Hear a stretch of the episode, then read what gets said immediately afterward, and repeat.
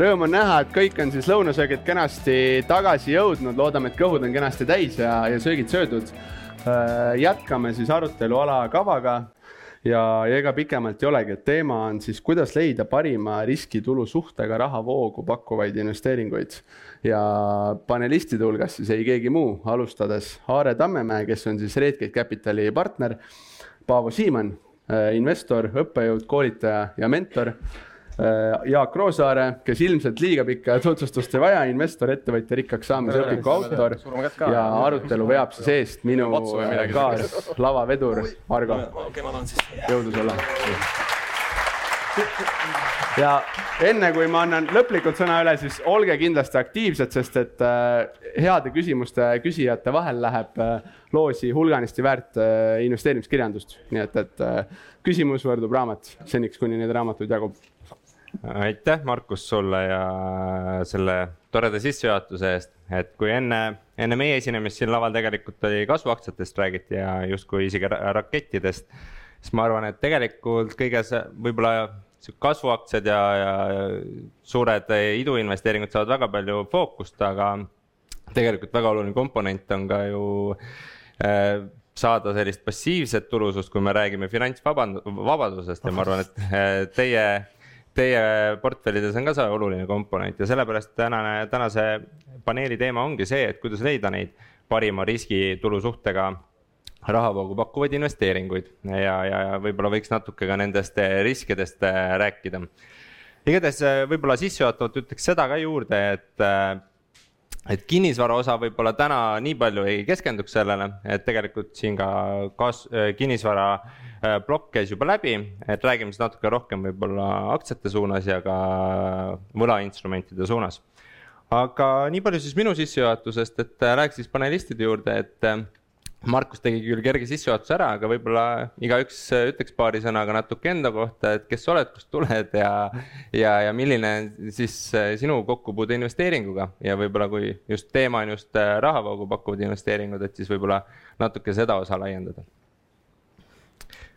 ma võin alustada jah, tere ka minu poolt, Aare Tammemaa on minu nimi. Ja täitsa abielus naisega, me rääkisime investeeringutest, eks. Ja, ja koera, koera ja kassi ei ole, põhimõtteliselt on olnud. Koer, äh, tütrel on kass. et äh, ma mõtlesin, et no mida ma siis enda kohta ikka oskan öelda, et eluaeg äh, miskit moodi finantssektoris näpupidi juures olnud, küll siis finantsjuhina või direktorina ja ja nüüd teistpidi siis nii-öelda pigem investeerimispangandusettevõttes ja, ja nii-öelda teisel pool lauda siis et üritan siis ettevõtetele maha müüa seda ideed, et, et võiks kapitali kaasata nii-öelda kapitaliturgude kaudu ja, ja noh, teistpidi ka siis investoritega tõepoolest suheldes, et näed, et siin on võimalused investeerimiseks näiteks võlakirjadesse või siis aktsiatesse, nii et, nii et äh, ütleme siis niimoodi, et oma seitsmekümne eluaasta, äh, viiekümne eluaasta jooksul olen siis äh, ma arvan, kolmkümmend aastat ikkagi nagu sellel turul toimetanud ja tegutsenud, oma vitsad kätte saanud ja noh, ilmselt saan ka veel loomulikult mm. -hmm meie sarnasus on siis see, et ma ka töötasin kaksteist aastat finantsjuhina ja ja siis, kui ma finantsjuhi tööd lõpetama hakkasin ja keskendusin õppejõuks olemisele Tehnikaülikoolis, siis äh, sealt ka see huvi nagu rahavoo investeeringute vastu, et see sissetuleku vahe liiga raju ei oleks. et siis äh, need rahavoo investeeringud hakkasid mulle järjest rohkem huvi pakkuma.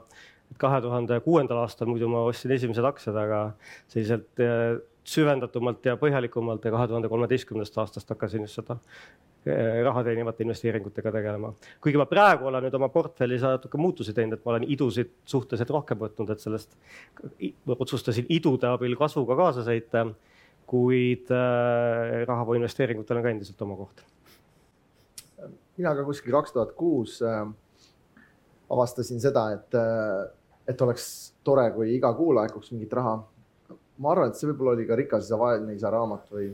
või mingi äh,, mingi blogi, kus käis läbi see mõte, et äh, kui sa keskendud igakuisele rahavoole, et siis nende turu äh,, instrumentide turuhinnad sind nii väga ei tohiks nagu stressi ajada. ja siis ma mäletan, et kaks tuhat kuus ma esimest korda hakkasin Excelis äh, jälgima siis igakuist sellist passiivset tulu. ma endale jagasin kolm, kolm sellist kategooriat, et oli üür, dividend ja intress. ja siis sealt alates olen seda track inud ja ja mul enamus äh, sellist passiivsest sissetulekust tegelikult tulebki läbi intressi. et äh, ja sihukest eralaenud, et sellest ma siis täna räägin ka vist rohkem. ma saan aru, et sulle võib ka laenu anda? ja mulle meeldib see, kuidas et kuuega sisse, kaheteistkümnega välja ja golfi mängima. jah, ja sealt see kahekordne kasum tuleb. aga võib-olla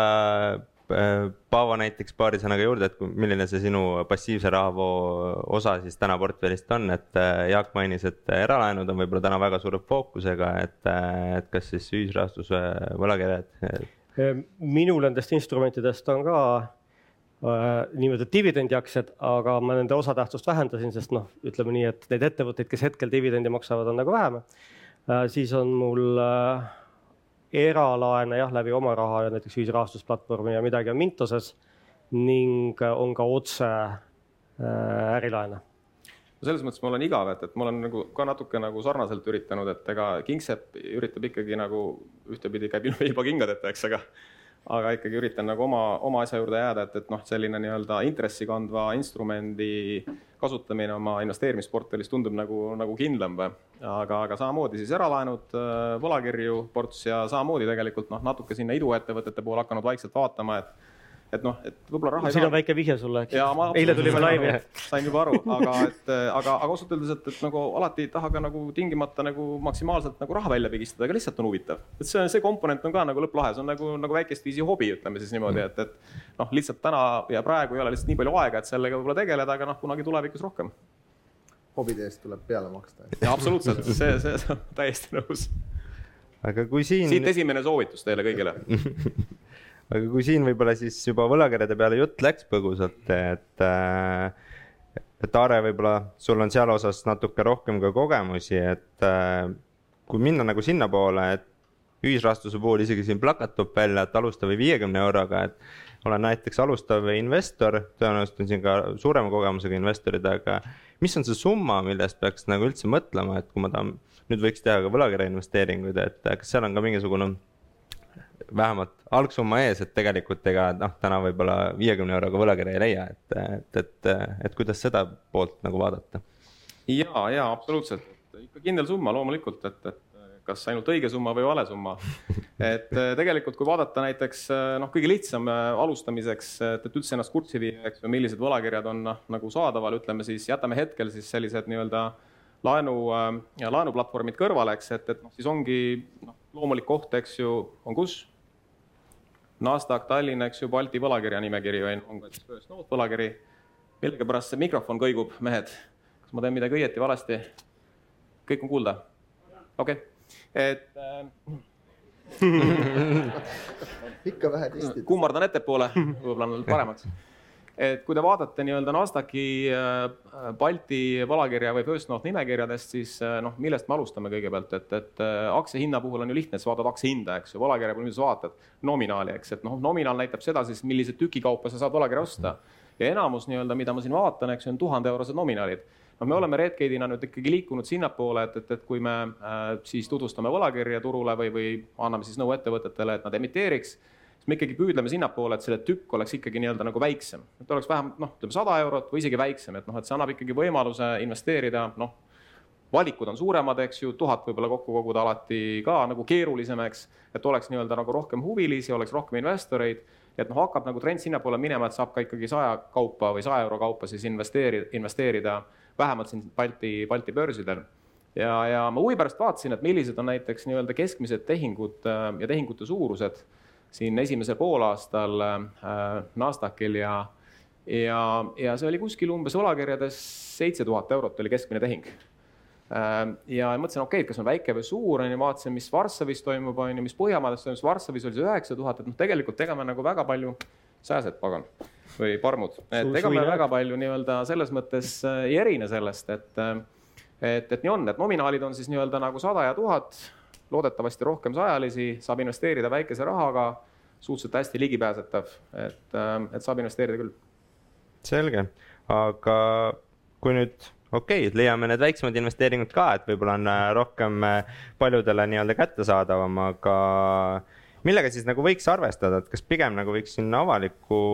börsi poole vaadata või, või, või, või siuksed väiksemad, et tegelikult ei ole kõik ju äh, võlakirjad börsil noteeritud, et on tegelikult see valik ju laiem, et äh, kas äh, Aare näiteks alustad siitpoolt või, või on teistel ka siinkohal midagi lisada? no ma võib-olla alustan ja siis täiendage mingi, et, et, et selles mõttes noh, see on nagu ju restoranidegagi, et, et noh, et sa saad, eks ju, väljas söömas käia, aga, aga, aga kodus on üldjuhul parem toit, eks. et, et noh, et nii-öelda kodurestorani igale poole ei pääse, eks ju, sama on jah, nii-öelda ka siis võlakirjadega tihtipeale, et, et kui ma nagu alustan kaks sammu tagasi, et siis, et noh, millised võlakirjad üldse noh, nii-öelda täna siis ütleme, Balti investoritele peamiselt kättesaadavad on kohalikest võlakirjadest jällegi räägime, eks ju, et ma ei räägi siin äh, välisettevõtetest, on ju et siis nad jagunevad nagu peamiselt äh, sellised kinnisvaraga seotud ettevõtted, kinnisvaraga siis need, kes siis arendavad, eks ju, kinnisvara, on ta siis nii-öelda, ma ei tea, kontorihoone või maja või, või, äh, või siis ärikinnisvara, eks ju, või siis elukondlik kinnisvara, noh, ma ei tea, näitena, eks ju, seal, ma ei tea, Mainur Ülemiste või Endover või Lords või Baltic Horizon, eks. Ähm, siis on sul äh, sellised rahvusvahelistel turgudel tegutsevad ettevõtted, noh, nii-öelda siis ma ei tea, Storent või, või, või, või siis äh, Admiral Bear Foods, äh, Magnetic MRO, ma ei tea, Nortalex äh, noh, kelle jaoks on siis nii-öelda nagu pigem nagu see loogika, et, et kui sa juba toimetad siin rahvusvahelistel turgudel, siis teinekord noh, ka kohalikel pank, pankadel on noh, üsna keeruline neid nagu teenindada, kui nagu laenuvõimendust on vaja saada ja tagatised asuvad kuskil mujal. noh, siis selline nii-öelda nagu võlakirjaturg või kapitaliturg on üsna loogiline koht, kuhu minna. ja kolmas kategooria on siis võib-olla see nagu finants ettevõtted, noh, kus pangad, eks ju, on ta siis, ma ei tea, Inbank, eks ju, Coop, äh, LHV-d ja nii edasi, bigpangad, kes on allutatud võlakirju välja andnud, eks, või siis on äh, nii-öelda krediidiandjad, pluss, pluss kapital, Jutec Credit ja nii edasi. ja, ja need on need kategooriad nagu laias laastus, noh, väga niimoodi jämedalt öeldes, eks ju, et, et, et mida siis nagu vaadata või mis siis nagu nii-öelda nagu tüüpiliselt olemas on ja seal on ka põhjendused, miks need ettevõtted turul on, eks. aga, aga kui me räägime avalikest ja mitteavalikest, siis, äh, siis üldjuhul on seal äh, küsimus nagu selles, et, et võib-olla mõned ettevõtted äh, noh, ei soovi äh, minna avalikuks sellepärast juba, et, äh, et noh, kuna nad pole siiamaani avalikud olnud, milleks võtta seda koormust peale, eks ju, endale, seda bürokraatiat ja nii edasi. noh, see on, see on üks põhjendus, teine põhjendus võib olla nagu see, et, et, et summad on nagu nii suured ja, ja emissioonid on sellised, mis tulebki nii-öelda nagu maha müüa suurematele institutsionaalsetele investoritele, noh, ma ei tea, Maxima Grupp või Acropolis või sellised suured, eks ju, või Ignitis, eks Latvenergod, kuigi ka neid, on võimalik hiljem ka nii-öelda nagu börsilt kätte saada, osa, osa, osa emissioone on ju, aga üldjuhul mitte. ja kolmas kategooria põhjus, mille pärast tegelikult tihti avalikud ei ole võlakirjad, on see, et neid võlakirju ei tohi avalikult pakkuda. kas te võite arvata, millised on need võlakirjad, mida ei tohi avalikult pakkuda? küsimus teile pigem. ma võin öelda, krediidiandjad ehk et mitte pankadest nii-öelda krediidiandjad sellepärast et äh, nii-öelda noh, meie selles mõttes äh, tubli, eks ju, Finantsinspektsioon täna on võtnud seisukoha, et et, et kui sa pidevalt nii-öelda turult raha kaasad äh, sellise nii-öelda laenuandjana, siis sul selleks on vaja siis krediidiasutuse tegevusluba ehk siis panga tegevusluba. kui sul seda ei ole, siis ei tohi avalikult pakkuda võlakirju, sest see on ka nii-öelda avalikkuselt raha kaasamine, võrdsustatava deposiidiga ja sellepärast näiteks noh, tihtipeale, eks ju, isegi kui nagu äh, sooviks investeerida krediidiandjate võlakirjadesse, sest tihtipeale nad on väga nõutud. miks? kõrgem intress, nad on tagatud, eks ju, nii-öelda nende laenuportfellidega, üsna selline nii-öelda atraktiivne toode. Neid ei tohi avalikult pakkuda ja nad lähevadki siis suunatult ja, aga ei ole probleemi, võtke Redgate'iga ühendust, küll me siis anname teile informatsiooni nende kohta ka Jaak Paava, et kas, kuidas teil võlakirjadega lood on, et ja, ja kas neid on teie portfellis ja sinna juurde, et kas need on siis avalikud või mitteavalikud, et ja kuidas see valikud on tehtud? no minul on sellel aastal lisandus Credit Star, eks, et ma siis oma portfellis asendasin osad aktsiad Credit Stari võlakirjadega, sest see kolmteist, neliteist protsenti intressi suurusjärk, mis sealt tuleb, et äh, see on siis äh,, asendas need dividendi, dividendi võimalused. ja ma vähendasin ka Mintoses Credit Stari osatähtsust, et, et see on minu kogemus võlakirjadega, et kui seal jah, ma ei tea, LHV-l sellised ühekohalised protsendid ja nii edasi, et ma olen mõelnud, et, et vanus veel lubab, et ma võin nagu selliseid äkilisemaid mänge teha, et et, et seetõttu ma selliseid ühekohalise intressimääraga või kupongimääraga võlakirju ei ole võtnud. mul on nagu Paavo enam-vähem, et äh, minu esimene võlakiri oli ka Credit Star läbi Redgate'i ja kuidagi siis tänu sellele, et see esimene tuli, siis seal oli vist sada tuhat eurot limiit veel omal ajal ja siis me panime omakorda mingi alampundi kokku, tegime eraldi OÜ, mis selle sada tuhat kokku kraapis ja saime selle võlakirja. ja siis äh, Credit Star on seda refininud seal iga paari aasta tagant äh, ja siis nüüd on mul Youth Crediti võlakirju ka, aga nagu Paavo enam-vähem ka läbi Redgate'i jah, et Redgate'il vist suht monopol nende vahendamise käes. et, et kes tahab raha sinna paigutada, et siis tuleb jah Aarele kiri saata ja saate edaspidi teada sellest. Ähm, ja, ja nagu Paavo, mina ei ole ka alla kümneprotsendilisi võlakirju vaadanud, et kuna ma ise eralaenudes tavaliselt siin niisugune kaksteist protsenti, et siis ähm, kui on alla selle, et siis tavaliselt ei ole vaba raha selle jaoks üsna, üsna tihti küsitakse, ma ei tea, kas sa tahad seda muidugi küsida või mitte, aga no., aga ma võtan juba sinu rolli, vabandust, et, et kui küsitakse seda, et, et kas, kas kümme on palju või vähe näiteks või ma ei tea, et kas kaksteist on mm -hmm. palju või vähe, et see on tegelikult niisugune nagu, ma ei tea, teema, kas me täna katame seda või ma ei tea, kas on huvi rääkida sellest või noh, kuulata et äkki noh no,, võime näiteks min. proovida seda, sest tegelikult minu arust see on nagu päris nagu oluline. kaksteist on väga palju tegelikult. jah, kaksteist, et, et noh, lihtsustatult rääkides, eks, et kui me vaatame üldse nii-öelda, millised on sellised äh, Äh, võlakirjade siis hinnad või, või noh, seda siis sa võid vaadata, eks ju, kupongi intressi, aga noh, kupongi intress ei ole ka tegelikult ju tingimata ei näita lõpuks seda, et mis on, saab olema sinu nagu lõplik tootlus, et siin on ka veel nagu väiksed erisused, jõuame kohe sinna ka. Aga jällegi, et vaatasin huvi pärast, et, et äh, Balti nii-öelda võlakirjade põhinimekiri, et, et milline on keskmine nii-öelda siis kupongi intress, viis koma kaks protsenti, et noh, üsna nagu madal ja vahemik oli seal kuskil null koma neljast üheteistkümneni noh, et, et sa võid nagu, ma ei tea, tõesti võtta mingit riigiettevõtte nii-öelda nagu väga lühikest võlakirja hästi madalalt, eks ju, või siis, või siis minna natuke äkilisemaks, eks. ja First North oli seal kuskil mingisuguse seitsme koma ühe protsendi peal keskmiselt. No jällegi, et kui ma nagu võrdlesin Põhjamaadega, mõtlesin, kas on palju või vähe, kas me nagu väga erineme sellest, on ju, et, et, et kas meie võlakirjad on siin nagu riskantsemad või vähem riskantsemad, siis, siis noh, ütleme suhteliselt nagu sarnaselt, ütleme selline Stockholm, Helsingi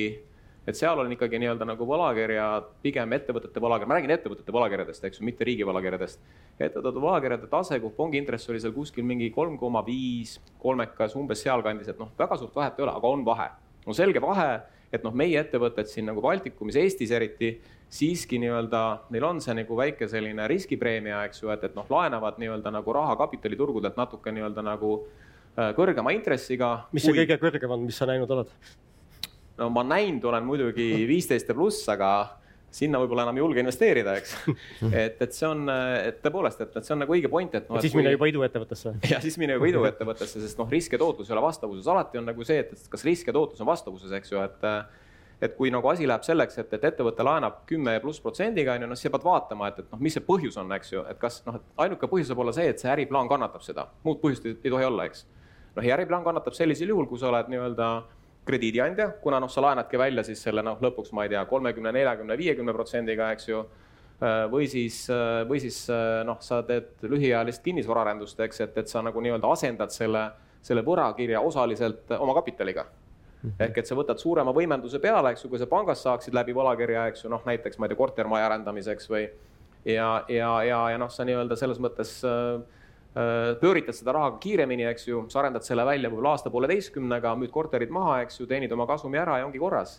et ja noh, kui sul on iga mingisugune tavapärane ettevõte, ma ei tea, kui Harju Elekter tuleks täna ja ma ei tea, või Tallink ütleks, et noh, ma nagu noh, olen valmis siin võlakirja pakkuma teile kaheteistprotsendise intressiga, no siis ma ütleks vau, vau, vau, vau, vau, et, et, et, et, et siin on midagi valesti, on ju, et et see on niisugune nagu rusikareegel, et noh, ma arvan, kümme ja ülesse ja kümme ja alla, et siis tuleks nagu vaadata nagu natuke nagu täpsemalt, eks ja, ja, ja see on tõepoolest täna nagu seis, kus, kus ütleme, selline psühholoogiline alampiir mulle tundub täna ettevõtete jaoks või investorite jaoks, et üldse nagu raha paigutada võlakirjadesse Baltikumis on kuskil seal nelja poole, äh, viie protsendi juures. et, et me siin viimase emissiooni Minor Ülemistele tegime nelja koma seitsmekümne viie protsendiga, noh, oli ka nõudlus natuke allapool seda aga, aga no ütleme väga palju enam mitte, sest noh, siis tulevadki ette nagu, eks ju, teiesugused, kes ütlevad, et noh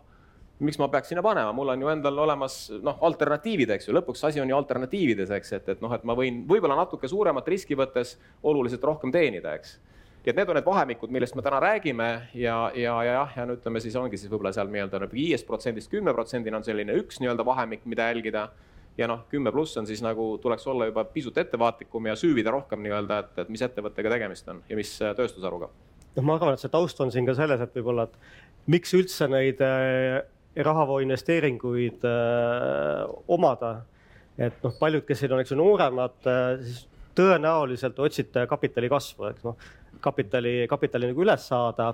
aga nagu Keter-Jaan ütles, et me kõik jääme vanaks ja võib-olla siis, eks ju, on portfellis muutused tulemas ja siis oleks vaja pinsi lisa omada sest olge rahulikud, pensionid jäävad selliseks ka kahekümne, kolmekümne aasta pärast.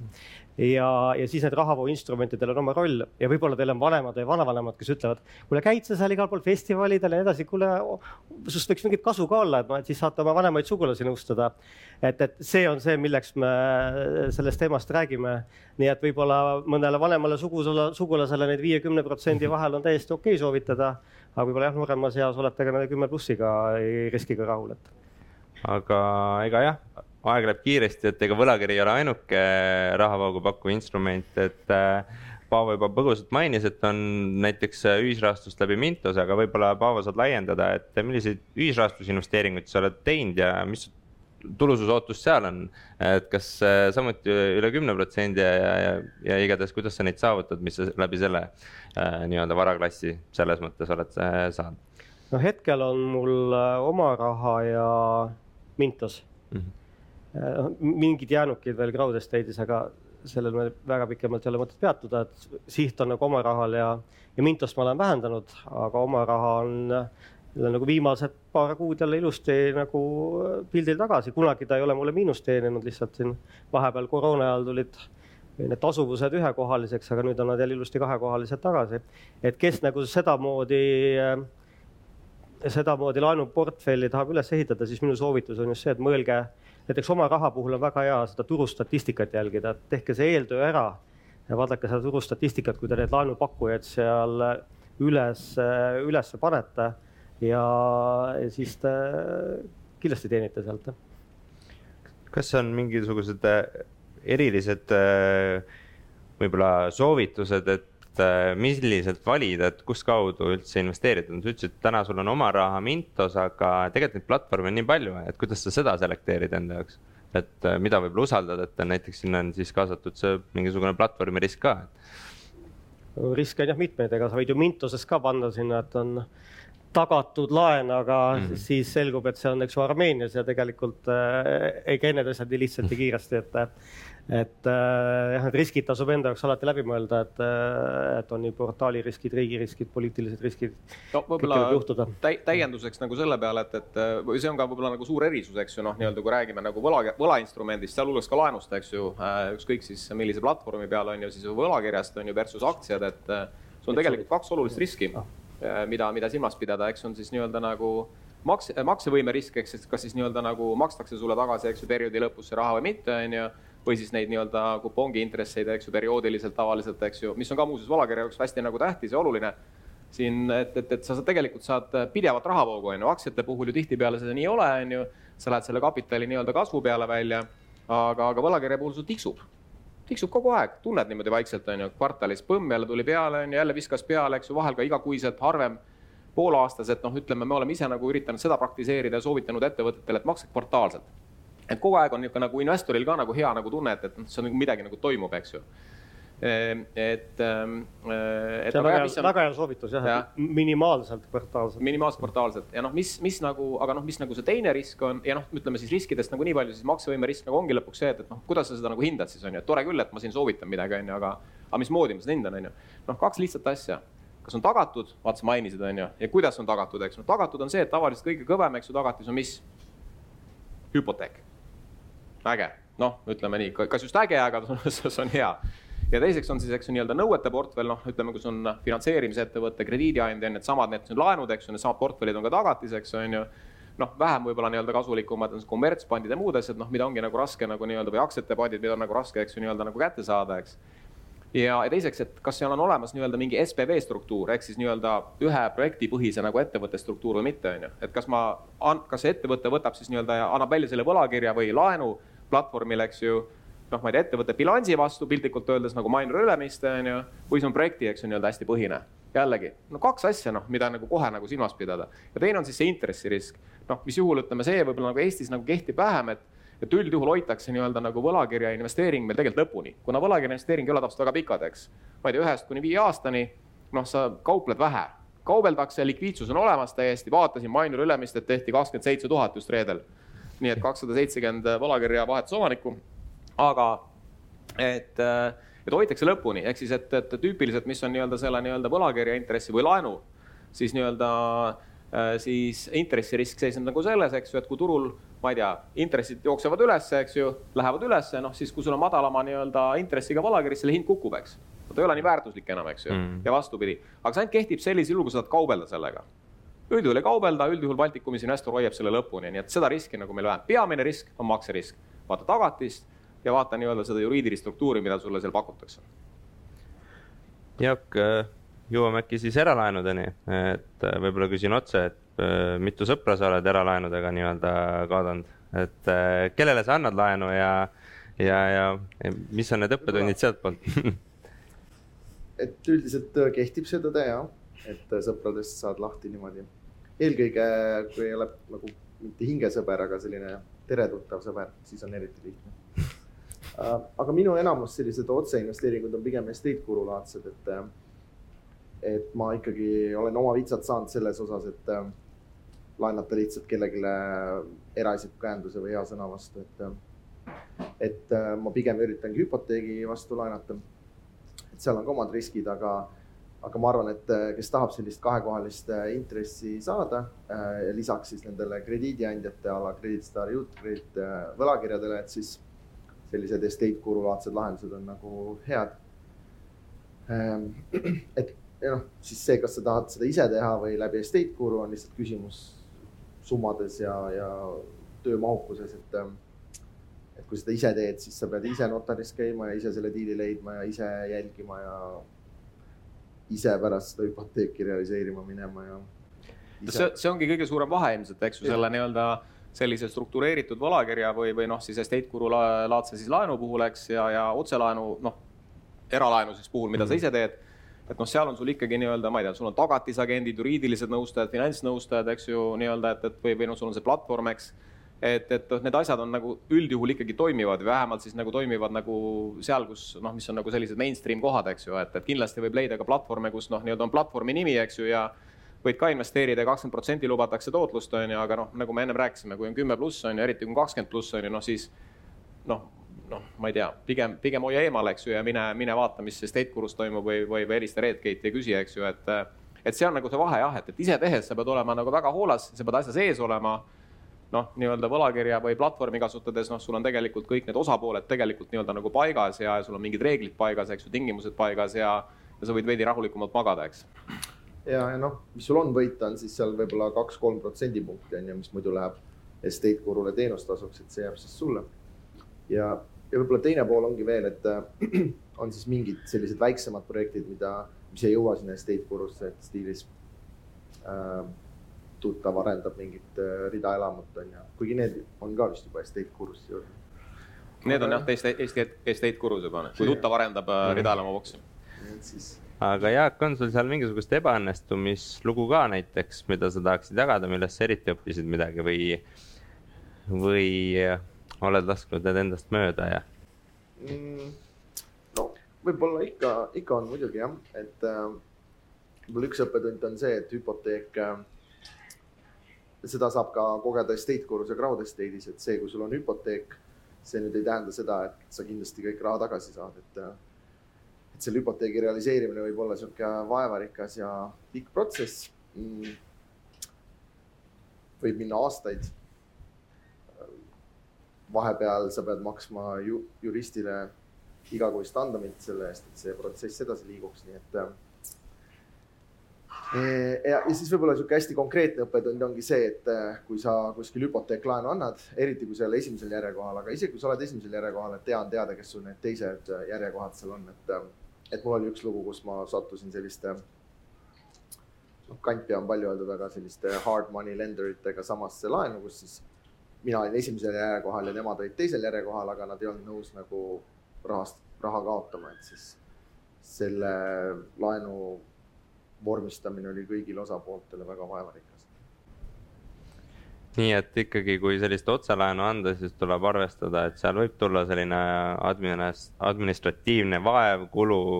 ja kõik juurde, et, et kui, kui sa tahad seda lisaintressi sinna teenida, et sa noh, selles ja. suhtes on no.... ma õppisin seda ka, et, et varem ma tegin nii, lihtsalt nii, et oli stiilis intress kaksteist või neliteist, et nüüd ma panen alati üks või kaks protsenti teenustasu ka otsa, et mingi raha kohe tagasi, eks ju. ja lepingu muutmise tasu jah. ja seda veel ei ole hea mõte noh, mina olen nende otselaenude puhul äh, just ka tegelikult noh, minul on see põhimõte olnud, tegelikult ma annan nagu seda laenu ikkagi inimesele, mitte tema ettevõtmisele. vaid sellele jah, ma pean aru saama, kuidas ta raha teenib ja, ja mis tal siis seal ettevõttes need finantsid on kui ma olen inimesel ja tõesti, ma olen niisuguseid teretuttavaid vältinud, et ikkagi kellega on mingi natukene hingelisem, hingelisem suhe ja kelle ettevõtmisesse ma usun, et, äh, et seetõttu on siiani hästi nagu läinud, et, äh, et aga ma olen ka kõigile öelnud, et noh, et kui ka peaks midagi juhtuma, et lepime kohe kokku, et, et teil on käed-jalad pea otsas, et kui selle ettevõtmisega läheb niimoodi, et sa annad oma parimat, siis kuskil mujal tuleb see asi nagu tagasi, et, et seda vaja hetkel meelde tuletada veel ei ole olnud, aga see on tõesti väga nagu inimese ja usalduse põhine, et sa võid neid igasuguseid hüpoteeke asju kõike seal korraldada, isiklikke käendusi ja nii edasi, aga kokkuvõttes ikkagi eh, on see inimestevaheline. tegelikult me ühest asjast ei ole veel rääkinud anna minna. et, äh, et tegelikult äh, noh, kui me räägime siin eralaenudest ja, ja võlakirjadest ja sellistest asjadest, siis tegelikult nii-öelda saab ka ju nendega kaubelda. selles mõttes, et äh, sul on võimalik võib-olla ka mingitel hetkedel teenida aktsiatele nii-öelda võrdväärset intressi ka ilma suuremat riski võtmata. Ja kuidas see käib, on väga lihtne, et tegelikult nagu samamoodi, kui te jälgite nagu aktsia nii-öelda nagu seisu ja positsioone tegelikult turul, noh, sama, võtame jällegi Nasdaqi kodulehe lahti, eks ju, üsna lihtne, informatsioon on kättesaadav, eks. Et ka võlakirjad on oma hinda kaotanud, eriti siin eelmisel, eelmisel aastal näiteks, äh, nii kui see Covid peale tuli, eks ju, noh, Redgate lendas ka sisse nii-öelda ühe suure võlakirja pakkumisega just samal ajal, kui nii-öelda lockdown tuli, see oli üks, üks, üks Baltikumi pankadest, kes allutatud võlakirjadega ähm, tahtis nii-öelda turule tulla, meil oli esimesel päeval, book building'u päeval oli nii-öelda juba circa kolmkümmend miljonit koos, on ju. ja ma ei ole seda nagu olukorda varem näinud, et järgmisel päeval hakkas nii-öelda book vähenema et lihtsalt nii-öelda investorid hakkasid oma orderid tagasi võtma, eks ju, ja noh, kogu see nii-öelda nagu pakkumine lendas uppi. noh, lihtsalt mm. ei olnud võimalik enam investoritega rääkida, sest noh, nad hakkasid kõiki kartma. ehk sellel perioodil hakkab ka paljude ettevõtete nii-öelda ka võlakirja hind kukkuma teoreetiliselt, kuigi noh, nii-öelda likviidsus on väiksem, kauplemist on vähem, eks ju, noh, see nii-öelda nagu tingimata ei juhtu nii, nii drastiliselt võib-olla kui nii-öelda aktsiatega, aga seda tuleb jälgida. samamoodi, sa võid võtta tegelikult noh, vähem riskantsema toote võlakirja puhul, eks ju Äh, kupongiga, ma ei tea, kuus-seitse, eks ju, ja sa võid teenida nii-öelda noh, vastavalt võib-olla kümme pluss intressitootlust lihtsalt sellepärast, et, et, et äh, võlakirja hind on nii-öelda tänu turutingimustele ja olukorrale kukkunud. nii et ja see on, see on täitsa juhtunud. Seal on äh, selline võimalus ka veel olnud, et kui seal a la LHV või, või mõni tuntum börsiettevõte noteerib või nii-öelda pakub neid võlakirju, et siis reeglina märgitakse suure hooga üle, et siis minu teada paljud on ka märkinud seda selle mõttega, et kohe flip ida viis-kuus protsenti ka kahe-kolme päevaga ära ehk siis äh, kui alguses sai sissejuhatavalt öeldud, et äh, aktsiatega saab nagu kasvu peale mängida, nii-öelda kapitali kasvu peale, et tegelikult võlakirjadega, kui on viitsimist-tahtmist, saab ka niipidi tegelikult äh, teenida. aga kui siit võib-olla siia aktsiate poole liikuda, Paavo, küsimus sulle, täna on küll võib-olla natuke rohkem olnud kasvuaktsiate fookus aga kui, kui sa valid dividendiaktsiat, siis kuidas sa neid valid, et mis see erinevus on, et äh, võrreldes siis kasvuaktsiatega, et millele sa eriti fookust nagu äh, sead siis? ehk siis kuidas dividendiaktsiat ära tunda või? jah, täpselt nii et, et äh, no põhiloogika on see, et eks nagu inimesel ega ettevõttel on oma elutsükkel ja kui see ettevõte jõuab sinna küpsuse faasi, siis äh, hea või äri õnnestumise puhul võiks sealt dividende loota, et noh, kasvuettevõtted ei maksa ju dividende või, või see oleks imelik, sest nad peavad ju kõik, mis tuleb, kasvu panema või, või naljahambad ütlevad, et kui ettevõtte juhtkonnal on investeerimisideed otsas, siis hakatakse dividendi maksma, et aga noh, eks vahel ikkagi omanik ka annab märku, et, et nüüd oleks aeg juba hakata dividendi saama. nii et ta kindlasti peab olema küps ettevõte ja noh, loomulikult üks asi on, võid ju vaadata sealt tegevusaruandest, mis on majandusaasta aruande üks osa, et kas äkki on ettevõttel, noh, kui me räägime börsiettevõttest, dividendipoliitika välja toodud, aga, aga paljud ütlevad, et nad ei võta mingeid kohustusi endale dividendi maksta, et äh, see on ka täiesti seaduslik niimoodi öelda. noh, mida ma finantsistina vaatan, on tegelikult, äh, no mis on ju hästi huvitav, et äh, tegelikult dividendi jaotatakse kasumist ma peaks nagu kasumit vaatama, eks ju, juriidiliselt peab see olemas olema jaotud, jaotamata kasum, aga, aga makstakse rahas okei okay,, võib aktsiadividend ka olla, aga see võib olla pigem nagu erand, aga makstakse rahas, et mina tegelikult vaatan, et kas ikkagi see raha ka on olemas, et seda dividendi oleks võimalik maksta. saab laenata ju saab ka laenata, jah. Tallinna Sadam, eks ju, maksab dividendi, mille arvelt ta? aga noh, ikka kiire arvutus, noh, kui natuke see eesmärk on teile ka õnge anda, eks ju, et mida te võiksite sealt rahavoogude või rahakäibe aruandest vaadata, ongi see, et kas põhitegevusest, põhitegevuse rahakäive,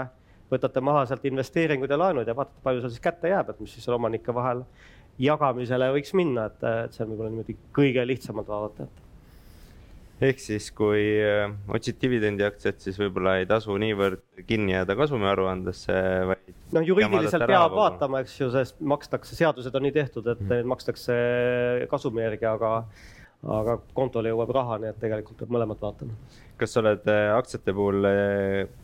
kogenud ka seda, et tegelikult on eesmärgiga ostetud aktsiad, see on, võiks olla, pakkuda mulle rahavoogu, aga näed, tegelikult ju võib juhtuda ju see, et äh, nüüd ettevõte otsustab, et see aasta ma tegelikult ei maksa, et. et kas see on ka riskikoht, mida enda jaoks nagu mõelda või, või, või. no ikka ettevõtted ei anna selliseid, noh, üldiselt selliseid lubadusi, et iga aasta maksan sulle mm. sellise, sellise numbri välja ja noh, näiteks jah, minul pikaajalisemalt oli äh, Silvano positsioon hästi kõrge, sest noh, kui ma sinna läksin, siis ma vaatasin, et ettevõtte bilansi mahust nelikümmend protsenti on raha pangakontol. noh, sealt peab midagi tilkuma, eks selles mõttes, ei ole ettevõtluse eesmärk raha koguda pangakontole, et, et äh.... aga, aga ma võib-olla siin nagu tuleks selles mõttes vahele või, või püüaks oponeerida, et, et tegelikult äh, jah, et ma olen nõus, et, et see ei ole kohustus, eks, et noh, sa ei saa, no sa, sa ei võta seda kohustusena, aga kui sa oled lubanud kui sa oled lubanud ja sa oled öelnud, eks ju, nii-öelda börsile, et või läbi börsisüsteemi, et, et, et noh, nii-öelda minu tavapärane dividendipoliitika on selline, siis oi-oi, kui raske on sellest nagu loobuda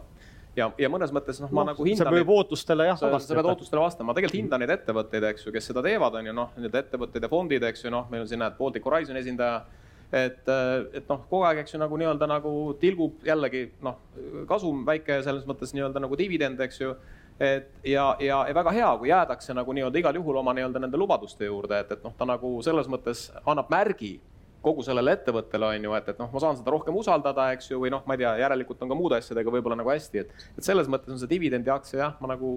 ka ütleks, et ütleme sarnasem isegi natuke sellisele nagu võlakirjale, eks ju. ja, ja kui ma tulen jah selle mõtte juurde tagasi, et noh, tegelikult mida võite vaadata, ongi, et ka, et et kui palju siis seda raha seal pangakontol on, et seda saab ka juurde vaadata, et ma arvan, alustajana suurim viga, mida tehakse, mida mina ka tegin, eriti kui USA-st hakata otsima neid dividendi aktsiaid, on see, et äh, vaatad esimese, esimese asjana reastad nad selle dividendi määra järgi ja vaatad, et miks ma siin võlakirjadega mässan kaheksateist protsenti dividendi mingi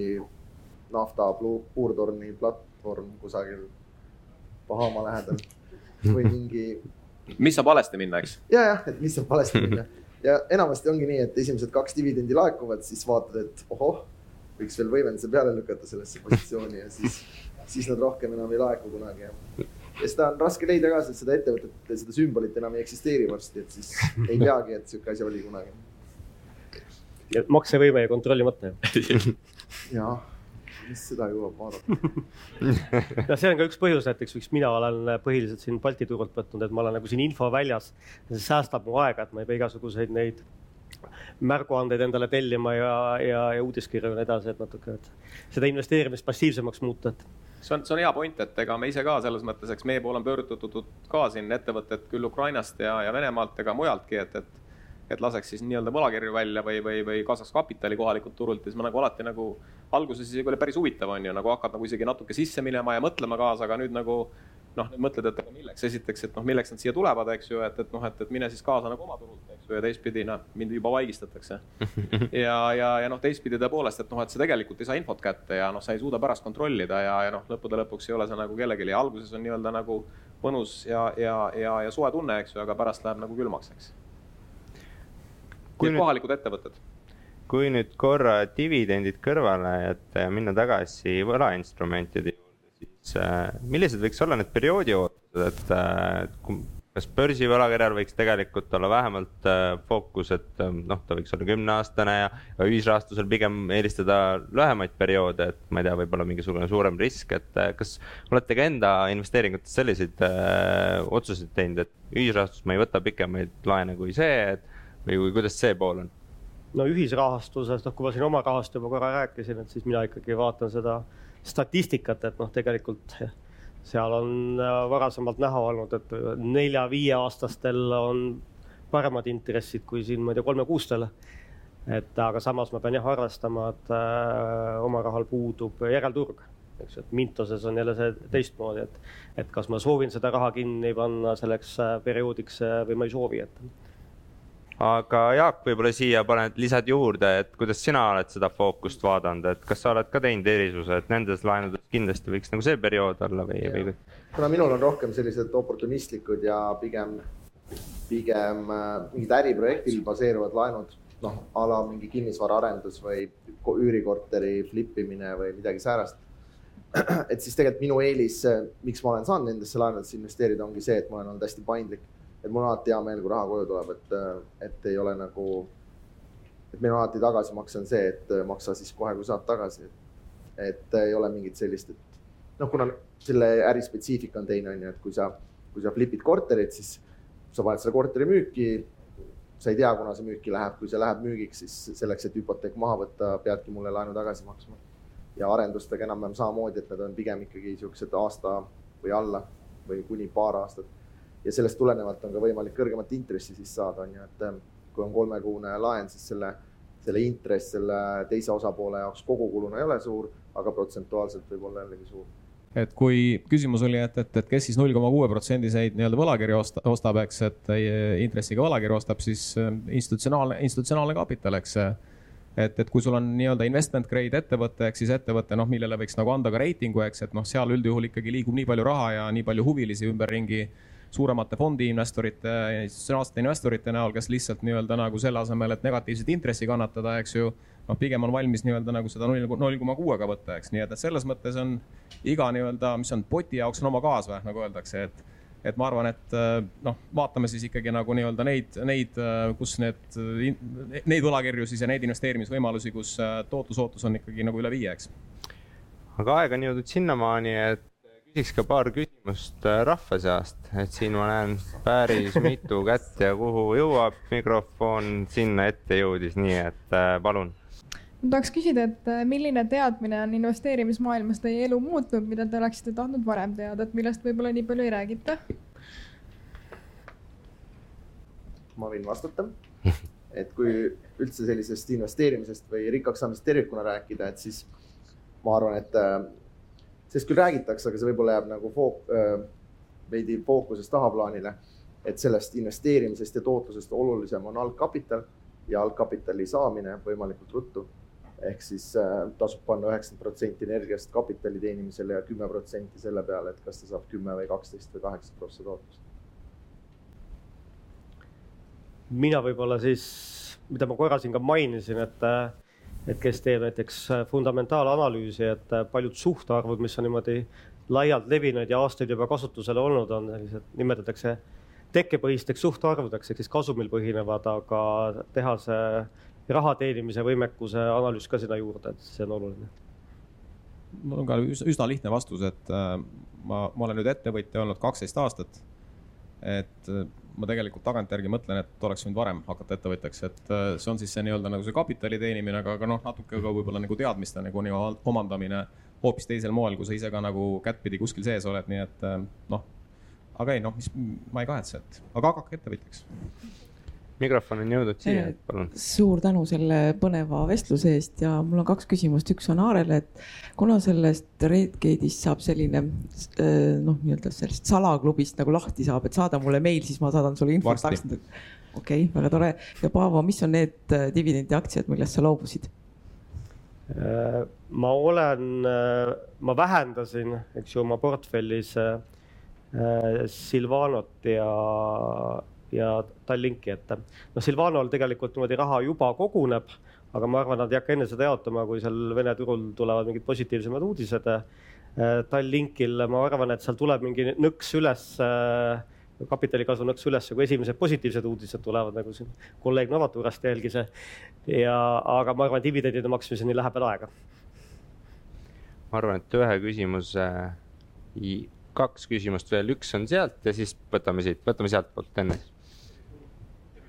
ahah, hallo, hallo. tervist, mul on küsimus äh, dividendiaktsiate kohta, et määrast oli korra juttu, et kas teil on ka mingid äh, reeglid selles osas, et mis võiks dividendi määr olla versus dividendi määra kasv või siis dividendi, jah, määra kasv on selle nimi vist. palju dividend kasvab ka? no otseselt äh, mina olen ikka tahtnud, et seitse-kaheksa tuleks ära. kui ma alustasin, siis ma vaatasingi just seda dividendi määra, et oleks viis protsenti pluss. Ähm, aga ma avastasin, et paari aasta jooksul, et minu parimad tootlused tulid hoopis Apple'ist ja, ja mingist teisest sarnastest ettevõtetest, kus kuidagi õnne või noh, see tegelikult ei olnud üle viie protsendi dividend. ma arvan, ma Apple'it ostsin vist, kui ta oli kolm protsenti järsku midagi säärast Äh, et siis äh, mina olen rohkem pigem pannud fookust sellele kasvule ja mul on sattunud portfelli ka siukse dividendifirmasid, mis ei maksagi dividendi nagu Berkshire Hathaway. Ja siitpoolt veel üks küsimus siis. Äh, ja, rääkisite võlakirjadest, laenudest, dividendidest, teistest instrumentidest. et kuidas leida see õige balanss nende vahel portfellis no sellega on minu meelest alati nii, et äh, alati on vale bilanss, et äh, et äh, kui on aktsiaturgudel langus, siis mõtled, et miks me seda raha hoopis sinna Greatstari ei pannud ja ja siis, kui mingi pelmeni tootja läheb pankrotti, siis mõtled, et miks ma hoopis aktsiatesse ei pannud seda või kinnisvarasse, et äh, et, et selles mõttes ma enam-vähem katsun ise hoida niisugust äh, enam-vähem võrdset suhet äh,. aga olla nagu jällegi avatud võimalustele, et äh, näiteks neid erakinnisvaralaene ei tule nagu või noh, neid ei saa niimoodi, et ma lihtsalt täna hommikul lähen börsile neid kokku ostma.